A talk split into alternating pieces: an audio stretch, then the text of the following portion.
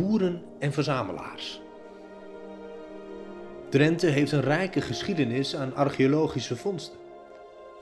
Lang niet alle vondsten zijn gedaan door archeologen of archeologische bedrijven. Boeren, amateurs, vuursteenzoekers en metaaldetectorhobbyisten vinden regelmatig bijzondere artefacten. Wat bezielt deze mensen? Waar ligt hun passie?